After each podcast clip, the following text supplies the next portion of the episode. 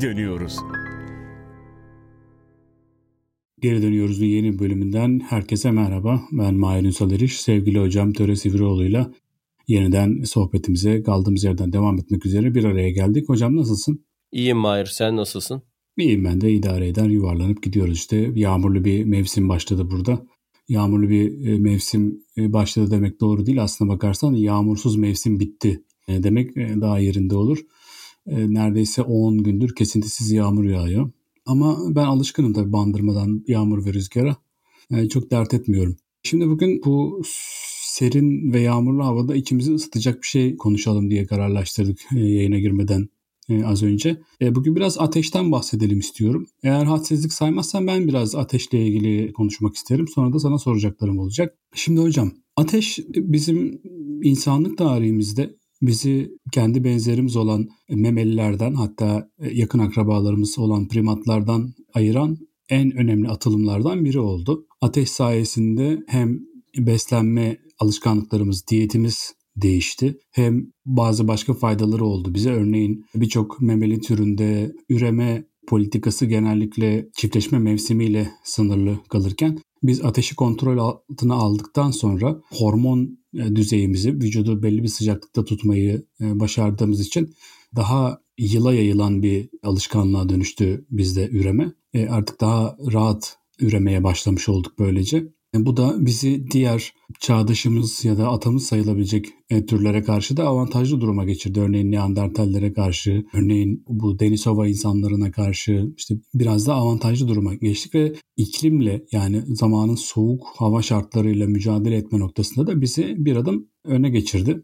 Tabii ateşin kontrol edilmeye başlanması yani ateş doğada doğal olarak zaten bulunabiliyordu. İşte ne bileyim yıldırımlar düşüyordu, şu oluyordu, bu oluyordu. Yani ateşi bilinçli bir şekilde yakabilmek, kontrol edebilmek, alıp taşıyabilmek e, bizim için işin devrim olan tarafı. Ve bu ateş meselesiyle birlikte biz etlerimizi de pişirerek tüketmeye başladık. Besinlerimizi pişirerek tüketmeye başladık. Bu da bizi parazitlerden korudu. Parazitlerden koruduğu için böylece bizim bağışıklık sistemlerimiz de güçlendi. Doğaya daha dirençli tipler olmaya başladık. Ateş bizim hayatımızda devrim niteliğinde bir yeniliğe, bir gelişmeye yol açtı. Bütün bunlara ilaveten ateşin başında toplanmak bizi konuşan canlılar haline getirdi. Çünkü birbirimize hikayeler anlatıyorduk. E, bununla birlikte ateşin e, çeşitli kültürlerde, tarihte, arkeolojide de çok ciddi bir izi oldu her zaman. Hala da olmaya devam ediyor aslına bakarsan. Ateş bugün hala birçok ülkenin sembolü konumunda, onun kültürünün bir parçası olarak da hala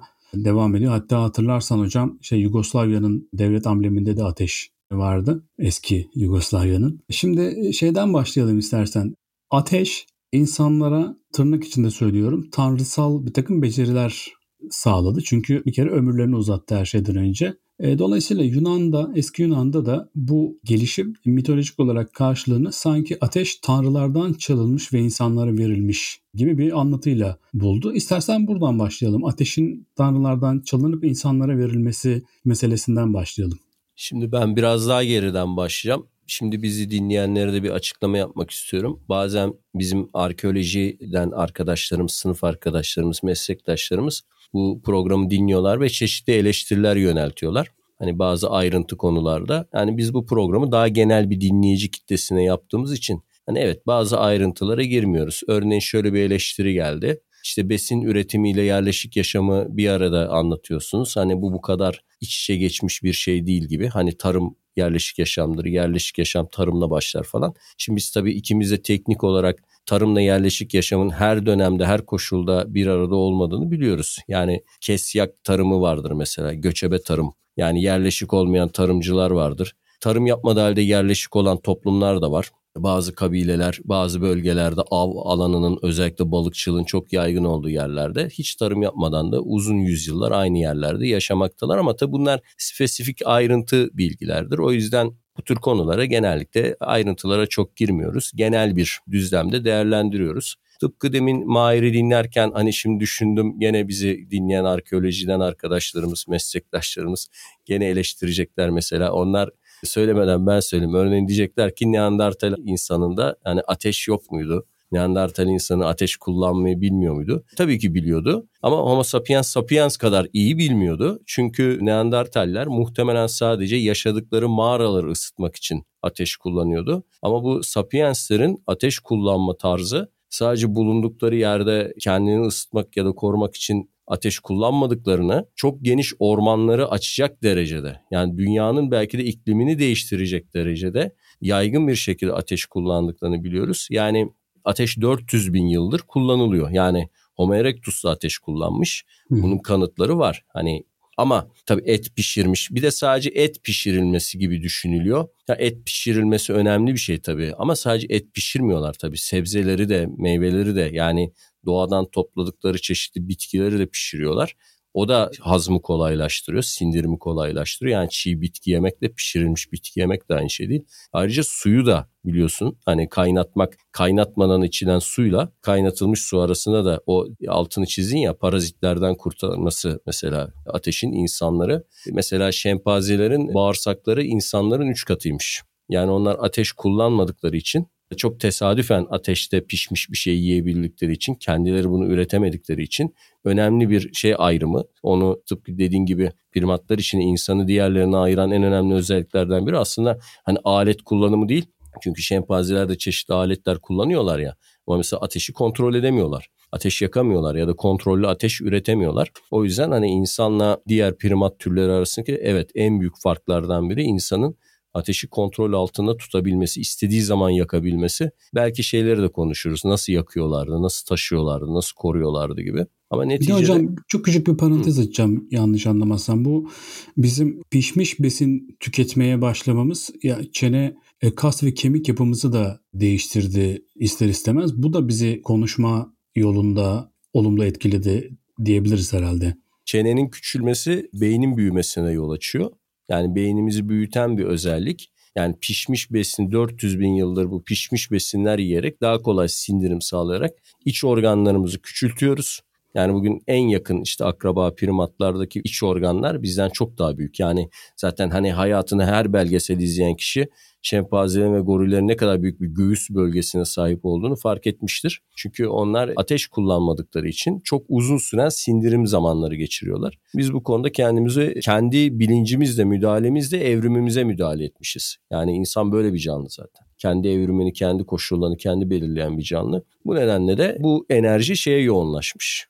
Yani beyne doğru yoğunlaşmış diyorlar bu işin uzmanları, paleontologlar. Neyse yani sudan, sebzeden ve etin pişirilmesinin faydalarından bahsedersek toplu halde. Hani şöyle bir itiraz yapılabilir demin söylediklerimize. Hani bizi daha dirençli kıldı. Aslında bizi daha dirençsiz kıldı. Niye? Hı hı. Çünkü doğal seleksiyon açısından hani parazitlere biz şu an eski insanlara göre aslında daha dayanıksızız. Ama yaşamda kalmamızı daha kolaylaştırdı. O açıdan tabii ki bizi daha dirençli kıldı. Yani biyolojik olarak bu eski insanlar tabii ki bizden daha dayanıklıydı. Çünkü onlar doğanın sınamasından geçiyorlardı. Yani şöyle düşünelim.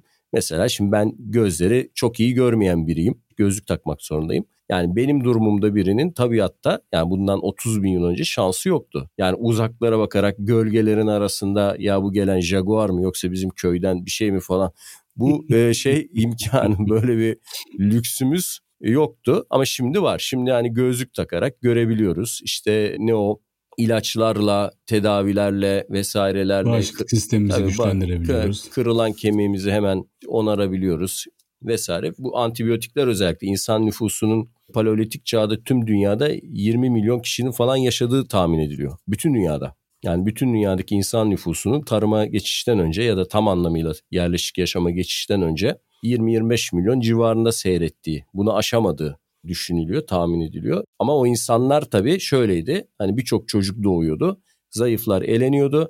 Daha sağlam olanlar da hayatta kalıyordu. Şimdi tabii daha sağlam olmayanlar da hayatta kalıyor. Ateş bunu sağlayıcıların ilki. Yani ateş sayesinde daha zayıf olanlar bir de vücut tüylerin dökülmesine de etkili oldu diyorlar. Yani bizim diğer primatlara göre aslında bu tabii teknik olarak şimdi şey de denilebilir. İnsan vücudunda aslında tüy yok kıl vardır. Yani tüy başka bir şeydir. Tüy kuşlarda olur. Şimdi hemen ben gene eleştiri gelmeden ön alayım. Gerçek terimsel olarak konuşursak ne kadar sıkıcı bir programa dönüşür değil mi Mahir? Her evet, şey evet, böyle. Evet ya. hocam yani bu senin bu tribünlere oynama aşkın bizi bitirdi yani.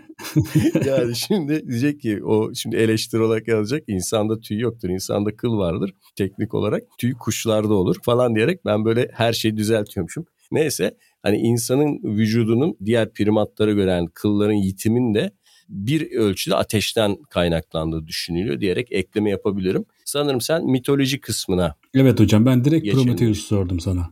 Evet. Evet bütün şeylerde yani ilk tanrılar yani Yunan'da da Hint'te de İran'da da hep bir ateş vurgusu var. Mesela o Agni'ydi galiba ateş tanrısı.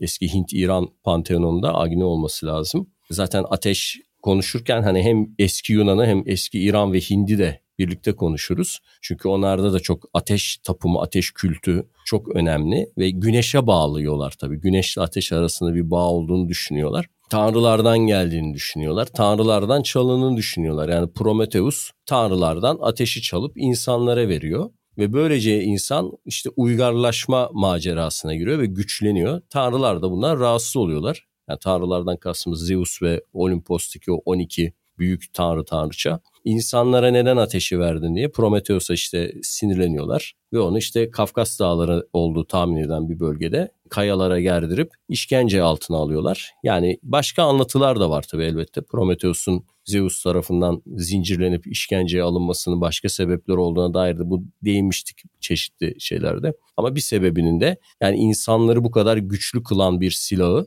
tanrılarla insanları neredeyse eşitleyecek derecede birbirine yaklaştıran bir aracı insanları öğretmesi en büyük suçu olarak eski Yunan yazarları tarafından kayda geçirilmiş. Bu tabii ilk Yunan mitlerinin en erken örneklerinden biri. Prometheus zaten insanı yaratan Titan diye geçer. Birçok Yunan mitinde insanı hani balçıktan, çamurdan şekillendirerek yaratmıştır Prometheus. Ardından da ona ateşi kullanmayı öğreterek onu tanrılar seviyesine çıkarmıştır. Aslında bütün o anlattığın antropolojik hikayeyi mit bu şekilde özetlemiş. Yani bizi hayvanlardan ayıran, doğanın baskısından kurtaran, hani insanı bir anlamda yemesiyle, içmesiyle, barınmasıyla, cinsel hayatıyla, kültürüyle, diniyle insan haline getiren en önemli adım ve ilk adım, ilk en önemli adım ateş. Son yapılan araştırmalar e, Scott diye bir arkeolog sanırım ondan okudum. Yani inanılmaz derecede doğayı ateş sayesinde paleolitik insanın değiştirdiği, e, sık ormanlık alanları ateşe vererek çayırlara dönüştürdü. Çünkü ya ormanlık alan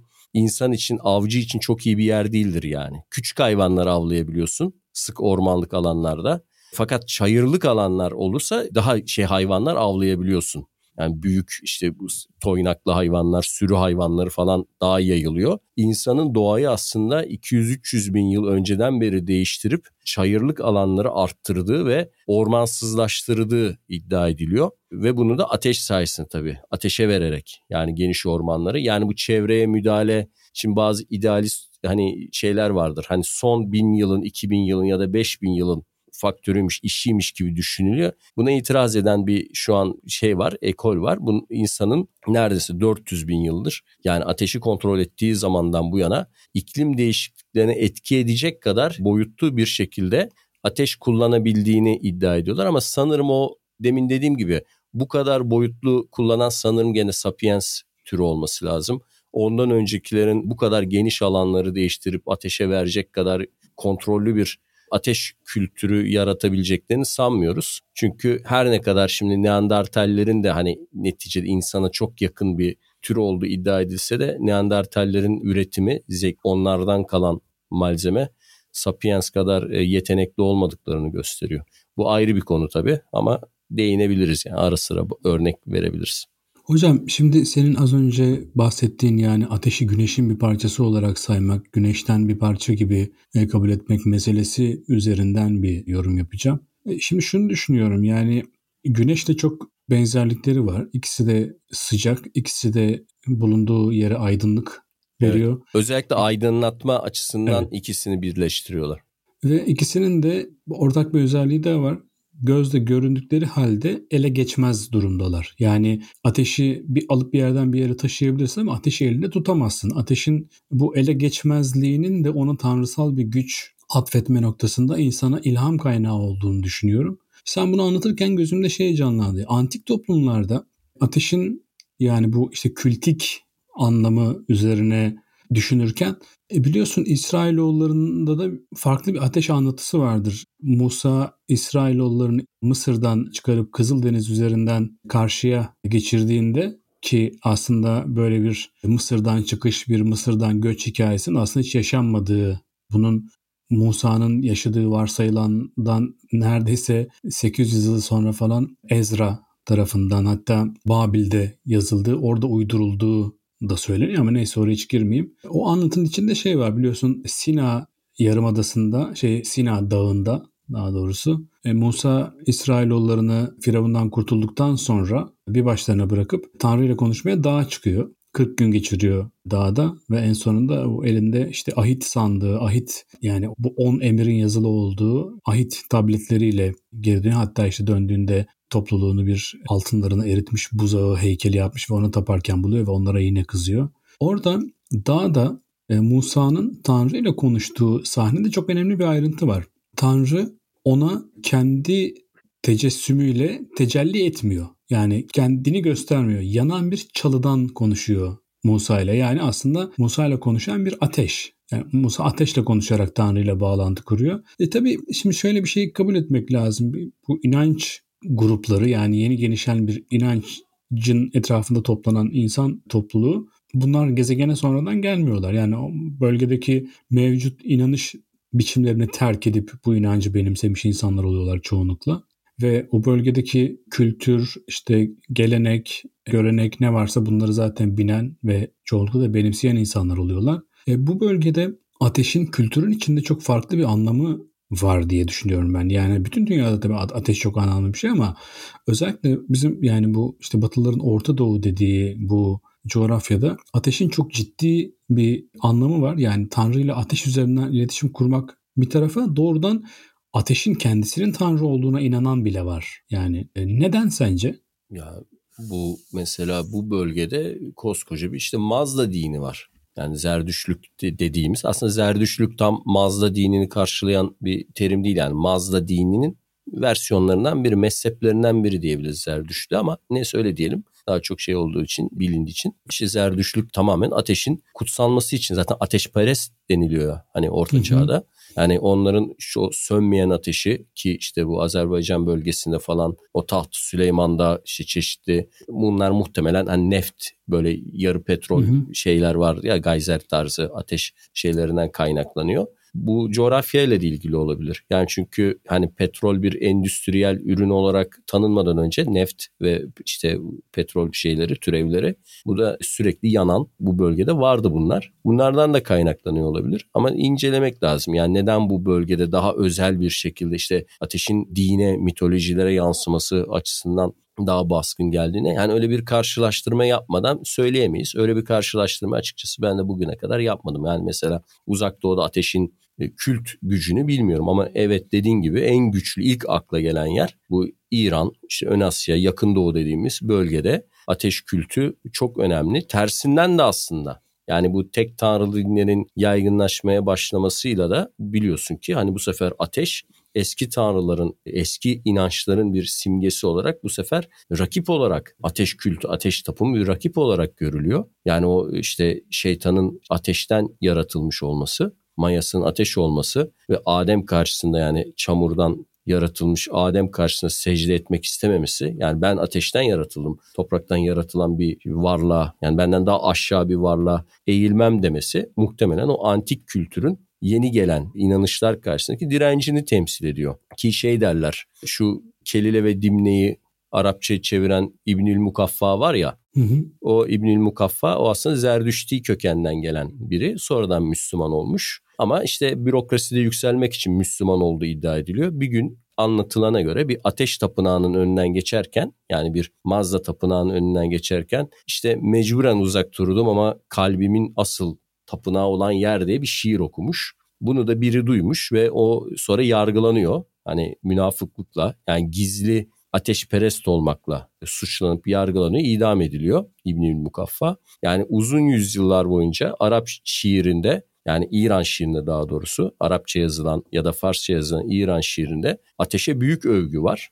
Beşar bin Burt var mesela meşhur şairlerden falan. Onlar mesela ateşi sürekli yücelten, öven bir söylem kullanıyorlar ve kendi dönemlerinde ateşi yüceltmeleri eski tanrılara, mecusiliğe, ateşperestliğe bir özenti olarak yorumlanıyor ve çok sıkıntı geçiriyorlar. Mesela meydan dayağı yiyen var, hapislerde ölen var, idam edilen var. Beşşar da galiba idam ediliyor. Yani ateşi övmek hep var bu bölgede. İslam'dan sonra da var ve hep tehlikeli bir şey. Hep de böyle bir şüpheyle karşılanmış. Fakat gene de toplum kültüründen sökülememiş. Çünkü ateş aynı zamanda biliyorsun ocak demektir. Hı hı. Ve aile ocağını temsil eder. Hani biz Türkçe'de de işte ocağın tütmesi, aile ocağının yaşamda varlığının devam etmesini hep bir sönmeyen ateş üzerinden kurarız bu imgeyi. Yani o ateş söndü mü o baca tütmediği zaman o ailenin dağılması anlamına gelir. Sadece maddi olarak işte şey değil yani. Bir büyük bir manevi şey de yükleriz ve o ateşe olan saygımız aslında kültürel kodlarımıza, bilinçaltımıza devam ediyor. Bu şeyde de var hocam değil mi? İstiklal Marşı'nda da en son Ocak derken kastettiği şey yani Tabii. en son ev, son aile yani o bitmeden bu iş bitmeyecek gibi. Yani o bizim bir manevi anlamı da var yani ateşin bu anlamda güçlü anlamı var yani. Bir de tabii hocam şey de var yani İslamiyet'in gelişinden sonra ateşin biraz yani nasıl söyleyeyim bunu bilemedim. Ateşin biraz tukaka edilmesinin yani şey sayılmamasının, makbul sayılmamasının da bir göstergesi olarak İslamiyet'in tarif ettiği cehennemin de ateşler içinde olması yani hatta birçok şey hatırlarım mesela çocukken anneannem bizi şey diye korkuturdu. İşte kılmadığın her namaz için 80 yıl ateşte yanacaksın diye korkuturdu. Yani ateşin biraz gözden düşmesi ve ateşin biraz daha korkutucu bir imge kazanması da herhalde bu bölgedeki ateşe tapımın önüne geçmek için mi bilmiyorum. Böyle bir şey canlanıyor gözümde. Ya olabilir. Her yeni doğan din bir meydan okuyuştur ve kendinden öncekilerin sembollerinin ya bir kısmını sahiplenir yeryüzüne hiçbir din tamamen sıfırdan başlamıyor yani. Hepsi bir şekilde kendinden önceki işte eleştirdiği, aştığını iddia ettiği ya da değiştirdiğini iddia ettiği inanç sistemlerinden bir şeyler borçludur. Ama bazı unsurlara da özellikle karşı çıkar, muhalif olmak zorundadır. Çünkü yeni bir şey getiriyorsanız eskinin bazı simgelerini de hedef tahtasına koyacaksınız. Mesela işte Avrupa'da şeytan imgesi deyince aklımıza ne geliyor? Boynuzlu değil mi? Keçi tarzı bir varlık geliyor. E çünkü bu keçi insanlar yani satirler, Silenos, satir, Pan gibi Yunan mitolojisinden tanıdığımız yarı keçi yarı insanlar antik çağın en çok kullanılan yani işte senin de benim de o sınavlarda sürekli maruz kaldığımız vazolarda, seramiklerde yani karşımıza çıkan resimlerde en çok yani popüler olan halk arasında en yaygın olan şeylerdi. Pagan simgelerdi ve bu pagan simgelerin hepsi şeylere dönüştü. Yani Hristiyanlıkla birlikte şeytani imgeler, kötücül varlıklar gibi algılanmaya başlandı. Yani yakın doğuda da İslam'ın yayıldığı bölgede, İran'da ve çevresinde, Anadolu'da ki Anadolu'da da biliyorsun ateş tapımı yani mesela Zerdüşlük, Mazda dini hep İranlılara, Farslara ait bir şeymiş gibi iddia ediliyor ama öyle değil. Mesela Ermeniler de eskiden yani Hristiyan olmadan önce onlar da Zerdüşçüydü, onlar da Mazdaisti.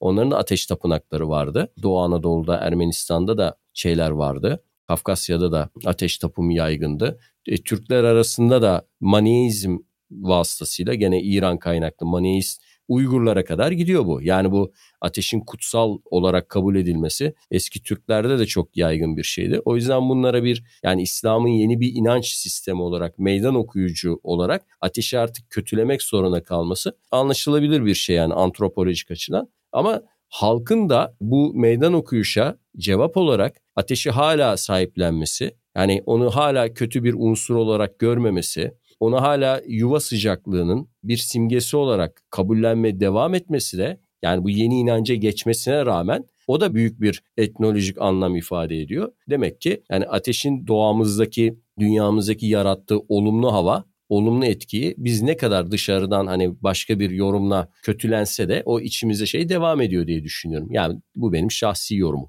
Sen şimdi yuva sıcaklığı vurgusu yapınca düşündüm. Aslında ateş aynı zamanda canlılığın, diriliğin de sembolü sayılabilecek bir şey bütün kültürler içerisinde. Yani e çünkü canlı bir bedenle ölü bir bedeni ayıran şey yani atıyorum uyuyan biriyle ölmüş biri arasındaki temel fark sadece işte göğsünün inip kalkması değil aynı zamanda vücut sıcaklığı. Çünkü bir beden canlılığını yitirdiği andan itibaren ortam sıcaklığına doğru sıcaklığı düşmeye başlıyor. Yani canlılığını kaybettiği andan itibaren o sıcaklık kaybı, ısı kaybı yaşanıyor. Ve ateşin aslında canlılığı ve diriliği sembolize ediyor olmasının da bir anlamı var diye düşünüyorum. Çünkü şöyle bir şey, hep konuştuğumuz bir şey var. Her şeyini toprakla yapıyordu bu bölgenin insanı. Yani evini de toprakla yapıyordu. Kapkacağını da toprakla yapıyordu. Efendime söyleyeyim dini e, ya da e, işte toplumda geçerli olan külte dair işte sembollerini, heykelciklerini, idollerini, figürinlerini de toprakla yapıyordu. Oyuncaklarını, çocukların oyuncaklarını topraktan yapıyordu. Zaten geçimini topraktan sağlıyordu. Fakat şey gibi yani gerçekten hani ayağını bastığın toprakla küp yaptığın işte ne bileyim kapkacak yaptığın toprağı birbirinden ayıran şey yine ateş. Yani ancak toprak piştiği zaman bir daha asla toprak olamıyor. Eski haline dönemiyor asla. Çünkü pişirilen kilin bir daha asla eski haline dönemediğini bildiğimiz için zaten arkeolojik kazılarda e, biz organik malzeme yerine işte pişmiş toprak parça arıyoruz ki hani o, o dönemin tarihine, işte kültürüne dair bir şeyler bulabilelim. Yani hayata karışan her şeyin içine biraz da ateş karışıyor kültürel olarak. Yani toprak, bahçedeki toprak evet toprak ama evdeki toprak yani içine suyu koyduğun, içinde bal sakladığın, ne bileyim işte yağ sakladığın toprak pişmiş toprak. İnsanda da böyle bir şey var. İnsan da işte yani işte eski Yunan'dan tut da işte işte kitap mukaddese kadar hemen hemen bu bölgedeki bütün kültürlerde insanın çamurdan yoğrulup piştiğine dair bir anlatı var. Yani öte yandan şey de var. Yani Prometheus insanı çamurdan yaratıyor ama ateşi aldıktan sonra insan insan oluyor. Yani hani biraz böyle bir ateşe karşı bir şey bir hürmetimiz var galiba bizim. Yani böyle içgüdüsel denebilecek düzeyde neredeyse ateşi yani doğanın herhangi bir parçası değil de yani ona bile sonradan eklenmiş mucizevi bir şey gibi görüp ona karşı hürmetini asla kaybetmeyen bir şey var. Bunun artık canlılıkla, dirilikle mi ilgisi var? Yoksa işte ne bileyim bize işte yediklerimizi pişirme imkanı veriyor, kabımızı kacağımızı pişirme imkanı veriyor. Bunun da mı ilgisi var? Bilmiyorum ama şeyden çok eminim yani ateşin canlılığı ve diriliği temsil ettiği bu açıdan da yani ne bileyim ölen biri için edebiyatta mesela ateşi söndü gibi ifadeler falan da kullanılıyor özellikle eski metinlerde, o klasik metinlerde falan filan. Yani ateş bizim canlılığımızın kopmaz parçalarından biri diyebiliriz herhalde bu durumda. Ve cinselliğin de tabii. Yani o bahsettiğin deyimler aynı zamanda ateşlilik. Hani hem yaşamda olmak hem yaşama dönük hem de cinsel olarak faal olmayı da çağrıştıran şeyleri kullanılır. Yani çünkü hani bunu konuşmanın başında dedik ya yani kızışma dönemlerinden çıkaran insanı o ısıyı istediği zaman koruyup saklar hale gelebilmesi aynı zamanda onu da garanti altına alan bir şey. Ve ayrıca hani demek ki şöyle bir de toprak soğukluk ve nemlik de çağrıştırır aynı zamanda. Yani mesela eski Yunanlılarda Hades yer altındadır. Çok da sevilen bir şey değildir yani. Hani toprağa girmek Yunanlılar için zaten eski Yunanlılar ölülerini yakarlardı. E, bu onların ateşe duydukları yani hürmetten kaynaklanıyordu. Birçok Hint Avrupalı toplumunda da ölüler aslında yakılır. Yani toprağa verilmez. Yani Hindistan'da da gelenek buydu bir zamanlar. Yani Gaj nehrine atma da var ama şeyler üzerine yakma da çok yaygın. Odunların üzerine yakma da yaygın. Gene eski Yunan düşüncesinde hani arke olarak ilk kaynak olarak tamam yani Thales sudan falan bahsediyor ama yani e, Herakleitos da ateşten bahsediyor.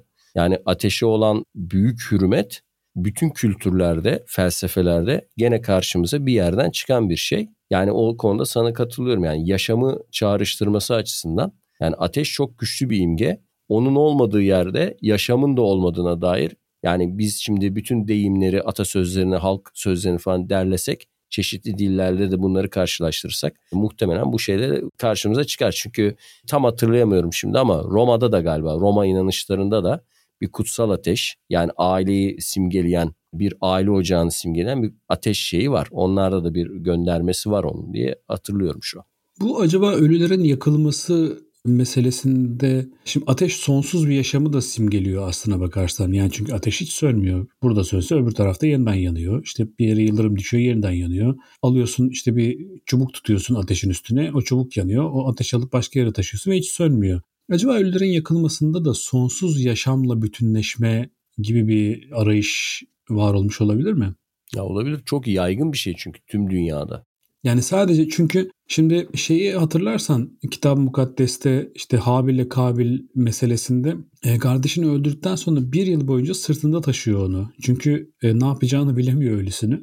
Ve sonra şeyi görüyor bir kargayı görüyor ölüsünü gömerken. Ha ben de ölümü gömeyim bari diye oradan bu fikir e, gelişiyor. İnsanlar için ölüm kadar büyük bir mesele varsa o da ölüden kurtulmak. Yani çünkü ölü işte organik bir şey olduğu için tamam bir organizma olduğu için organik malzemelerle örülü bir yapı olduğu için işte çeşitli bakteriler işte hastalıklar şunlar bunlar falan filan gibi tehlikelere yol açıyor ve ölüden kurtulmak gerekiyor. Kitap Mukaddes'teki bu anlatı tabi biraz problemli bir anlatı çünkü kargalar ölülerini gömmüyorlar. Fakat şöyle bir şey var bu ölüyü yakmak meselesinin sadece ölüden kurtulmakla ilgili bir şey olmadığını hissediyorum. Yani orada sanki böyle daha ya da sadece ölüden kurtulmak için bulunmuş metotlardan biri belki ama sonradan ona yüklenen manevi anlam e, biraz böyle entrikalı bir sonuç ortaya çıkarıyor. Ama bir sonsuz yaşamla bütünleşme iması seziyorum nedense bütün bu antik kültürlerde, ölü yakan kültürlerde. Ya şimdi bu işlevsel antropolojinin hani iddiası bir gelenek varsa mutlaka bir işe yarıyordur. Maddi olarak, teknik olarak bir işe yarıyordur der onlar. Yani adam ölüyü yakıyorsa ya da akbabalara bırakıyorsa ya da toprağa gömüyorsa yani mutlaka işte onun bozulmadan kaynaklı, çürümeden kaynaklı işte o etrafı verdiği tehlike nedeniyle yapıyordur diye. Tabii tam öyle değerlendiremiyoruz. Çünkü hani o insanda onu ölümsüzleştirme isteği de var. Çünkü vücut çürüyor ama dediğin gibi ondan kalanları en azından hani küllerini saklama geleneği var biliyorsun şimdi. Hı hı. Ya da işte rüzgara savurma geleneği var. Ya da işte ateş olduğu zaman bu şeyi konuşmuştuk ya sana e, Haybin Yeksan'ı konuşmuştuk. Hı hı hı. Orada da ateşin hani gökyüzüne doğru yükseldiği için hani sudan daha üstün olduğunu, topraktan daha üstün olduğunu düşünüyor. Çünkü ateş yukarı doğru, Tanrı Tanrı yukarıda diye düşünülüyor. Hı, Tanrı'yı işaret yani, ediyor. Tanrı'yı işaret ediyor. Çünkü diğerleri yere doğru çekilirken ateş yukarı doğru dumanıyla ve hareketleriyle şekliyle yukarı doğru eğilimli olduğu için e, hareket ettiği için hani Tanrı'ya doğru gidiyormuş gibi düşünülüyor. Muhtemelen ölüleri yakan insanlar da hani onların o e, yanış anında yukarıya doğru çekildiklerini düşünüyorlardır. Hani Homeros'ta biliyorsun anlatılıyor bu ölü yakma e, seremonileri. Hocam şey çok ilginç değil mi? Yani doğadaki her şey bir dış etki olmadan sabit duruyorken yani ağaçlar rüzgar esmiyorsa sallanmıyorlar. İşte ne bileyim e, su eğimi yoksa akmıyor. Efendime söyleyeyim işte ne bileyim toprak olduğu yerde duruyor. Ev yapıyorsun olduğu yerde duruyor. Hiçbir şey kıpırdamıyor ama ateş hiç sabit durmuyor. Sürekli hareket ediyor falan. Yani sürekli bir canlılığı işaret eden böyle çok çok hileli, çok böyle cilveli bir tarafı var ateşin. Bunun da insan için çok büyüleyici bir görüntü olduğunu biliyorum ve hatta hala bile modern insanda bile ateşe gözünün dalması vardır. Mesela ateşe bakarken gözümüz dalar hep. E yani şeyler ben... var ya sahte şömineler var. Saatlerce oturup insanlar onları seyrediyorlar yani. Böyle. Evet evet şey müzik kanallarında falan var değil mi? ya yani o. Evet. Peki hocam şimdi sana çok bomba bir soru soracağım. Cenazenin yakılmasını ister miydin? Ben mi? Hı Valla çok zor bir soru sordun. Onu düşünüp haftaya olmazsa sana cevap vereyim. Ya ben isterdim de annem razı olmaz. Ya ben isterdim aklıma Büyük Lebowski'deki sahne geliyor. Ya o çok böyle hani küllerini savurup da başaramıyorlardı ya konserve kutusunda. yani o, o ondan sonra yapılacak şeyler çok dikkat edilmesi gerekiyor yani. Ya şimdi tabii burada her mezarlığın başında bir de krematoryum var. Yani burada bu imkanlara erişmek e, Türkiye'de yasal değil bildiğim kadarıyla ama. Ama onlar bir şekilde Viking kanı karışmış insanlar. Onlar e, tabii, alışıktır tabii, öyle tabii, şeyler. Tabii. Yani burada bu imkanlara erişmek çok daha kolay. Ya serbest olmasından yanayım tabii ki canım. Niye yani ya insanlar eğer böyle bir şey hayal ediyorlarsa, istiyorlarsa tabii ki yaygın ve serbest olması lazım. Yani bu konuda öyle bir düşüncemi soruyorsan Tabii ki böyle bir seçenek olması yok, lazım. Yok yok ben direkt senin düşünceni soruyorum. Senin yakılmayı ister miydin? Şu ana kadar hiç düşünmediğim için bu konuyu yani öldükten sonra ne olacağı ile ilgili hiçbir şey düşünmediğim için o yüzden cevap veremedim ama düşünüp cevap veririm. Mesela bu işte eski İran'da yani bu yakılma ya da akbabalara teslim edilme kültürlerinde toprağa gömülmeye mesela şiddetle karşılar bu zerdüştiler. Çünkü toprağın kirlendiğini iddia ediyorlar ölülerle. Hatta İran'ın bundan lanetlendiğini iddia ediyorlar. Yani ölüler toprağa gömülüyor, toprak kirleniyor. Bu nedenle de ülke lanetleniyor gibi. Yani şimdi dünya nüfusu 8-9 milyara vardı ve artık herhalde ileride insanlar bu konuyu ciddi ciddi düşünecekler. Çünkü bu mezarlık alanları yani toprağa gömme geleneği küçük topluluklarda başlamış bir gelenek. Hı hı. Yani eskiden 3 bin 5 bin nüfusu olan işte kent diyebileceğimiz yerleşimlerde başlamış bir gelenek. Yani bu kadar büyük nüfuslara göre düşünülmüş bir gelenek değil. Bugün de zaten biliyorsun bütün o mezarlık alanlarında şeylerin gözü var. Çeşitli emlak yatırımcılarının gözü var. Ve Türkiye'de çok yaygındır yani. Eskiden mezarlık olan bir alanın sonradan şeyinin değiştirilip. Tabii canım şimdi Zincirli Kuyu'yu düşünsene mesela. Tabii, tabii. Eskiden beri vardır o Zincirli Kuyu yani taşıyalım buraya. Yani ne kadar böyle ranta açık bir yer yani mevki itibariyle falan muhteşem bir yer yani Zincirli Kuyu'nun olduğu yer. Dediğim gibi ben isterdim ama işte annem razı olmaz buna yani. Hani annemden sonra ölmem lazım. Hani evet hukuken zaten sen ne dersen de senin mirasçıların sözü geçtiği için böyle konular. Yani Türkiye'de biliyorsun miras hukuku yok. Yani ben hı hı. vasiyet Amerikan filmlerindeki gibi vasiyet bıraktım işte mektuptan şu çıktı böyle. Onların bir şeyde bizde bir e, hukuken karşılığı olmadığı için hani o gene şeye soracaklardır. Arkamızdan Neyse kalan. Hocam, en, en iyisi benden sonra tufan Evet ben genel evet, olarak yani. felsefi olarak zaten yaşamda yaşamı düşünme eğilimli biriyimdir. Hani pek ondan sonrasıyla Konfüçyüs gibi hani Konfüçyüs'e öğrenci sormuş ya ya öbür dünyada mutluluğu elde etmek için ne yapmamız gerekir hocam demiş. O da sen önce bu dünyada bir işini gücünü kur da demiş sonra düşünürsün öbür dünyada. önce bir oku ekme önce bir oku ekmeğini eline al demiş. Aynen verdiği cevap bu. Sen demiş bir kere bu dünyada bir adam ol da diyor sonra diyor öbür, öbür öbür dünyalığını sonra diyor düşünürsün diyor. Yani öldükten sonra düşünürsün diyor. yani, evet yani evet. E, bazı konulara tabii atlamış olabiliriz. Büyük bir kült konusundan bahsediyoruz. Ama hani ya o iddiamı sürdürebilirim. İçimizde hangi inanış gelirse gelsin, hangi din kültürü hakim olursa olsun çevremizde. Bir de şunu toprakla bizim işimiz son 10 bin yıldır arttı. Ama ateşle olan ilişkimiz 400-500 bin yıllık. O yüzden hani bana göre onun bilinçaltımızdaki, kültürümüzdeki, söz varlığımızdaki, zihnimizdeki, psikolojimizdeki etkisi bana göre daha güçlü ve öyle yani şeyle sökülüp atılamaz. Bu arada hani şeytan figürünün bütün o kutsal kitaplarda kötülenmesine rağmen halk nezdinde de sahiplenilmesi de enteresan bir şeydir. Çünkü şeytan kelimesi mesela bizim dilimizde akıllı insanlara, uyanık insanlara, zeki insanlara verilir. Hani şeytan gibi çocuk dendiği zaman bu övgüdür yani. Hiç kimse bunu kötü olarak düşünmez. Yani o ne şeytandır o dendiği zaman o hakikaten övücü bir cümledir. Yani şeytan da hani Ruhi Su'nun albümü vardı ya Zeybekler'de. Şeytana inanır mısın? Yardımcımızdır demiş Zeybek. Yani öyle öyledir. O kadar öyle de istediği kadar kötülensin. Yani ateş ve ateşten yaratılan şeytan yani halk kültüründe de öyle şey değildir yani. Sahiplenilir. Hocam teşekkür ederim. Harika bilgiler oldu yine. Konuyu bir kere daha hiç Çavuşescu'ya getirmeden tamamlamayı başardık. Evet başarmıştık ama son anda sen gene konuyu e, şey, Çavuşescu'ya getirerek. E, Hocam gel- bu sefer Çavuşescu sevenlerden tepki geliyor. Yani sen tepkileri çok önemsediğin için Hı. özellikle onları da incitmeyelim istedim. Yine Töre hocamla buluşup konuşmak istediğimiz bir konu üzerine konuştuk. Töre hocamın hassasiyetini göz önünde bulundurarak burada söylediklerimizin hani şey diyorlar yatırım tavsiyesi değildir diye işte bilimsel akademik tavsiye değildir burada söylediklerimiz. Biz burada sadece kendi merak ettiğimiz konular üzerine konuşuyoruz. Hiçbir akademik iddia ya da işte böyle bir akademik sınanabilirlik iddiasında değiliz. Bu konulardan konuşmayı seviyoruz. O yüzden eğer unuttuğumuz, atladığımız, ihmal ettiğimiz, yanlış hatırladığımız, yanlış söylediğimiz bir şeyler varsa lütfen kusurumuza bakmayın. Bu profesyonel bir tarih, kültür podcast'i değil. Biz bunu töreyle buluşup muhabbet etmek için yapıyoruz doğrusunu söylemek gerekirse. Bu hafta da böylece ateşle sohbetimizin sonuna geldik. Bir şey söylüyor musun hocam? Yok dinleyicilere selamlar iletiyorum, sevgiler iletiyorum. Teşekkür ederim bu salon beyefendisi vedan için. Ben de çok teşekkür ediyorum. Yeniden haftaya yeni bölümde görüşmek üzere. Hoşçakalın, sevgiler.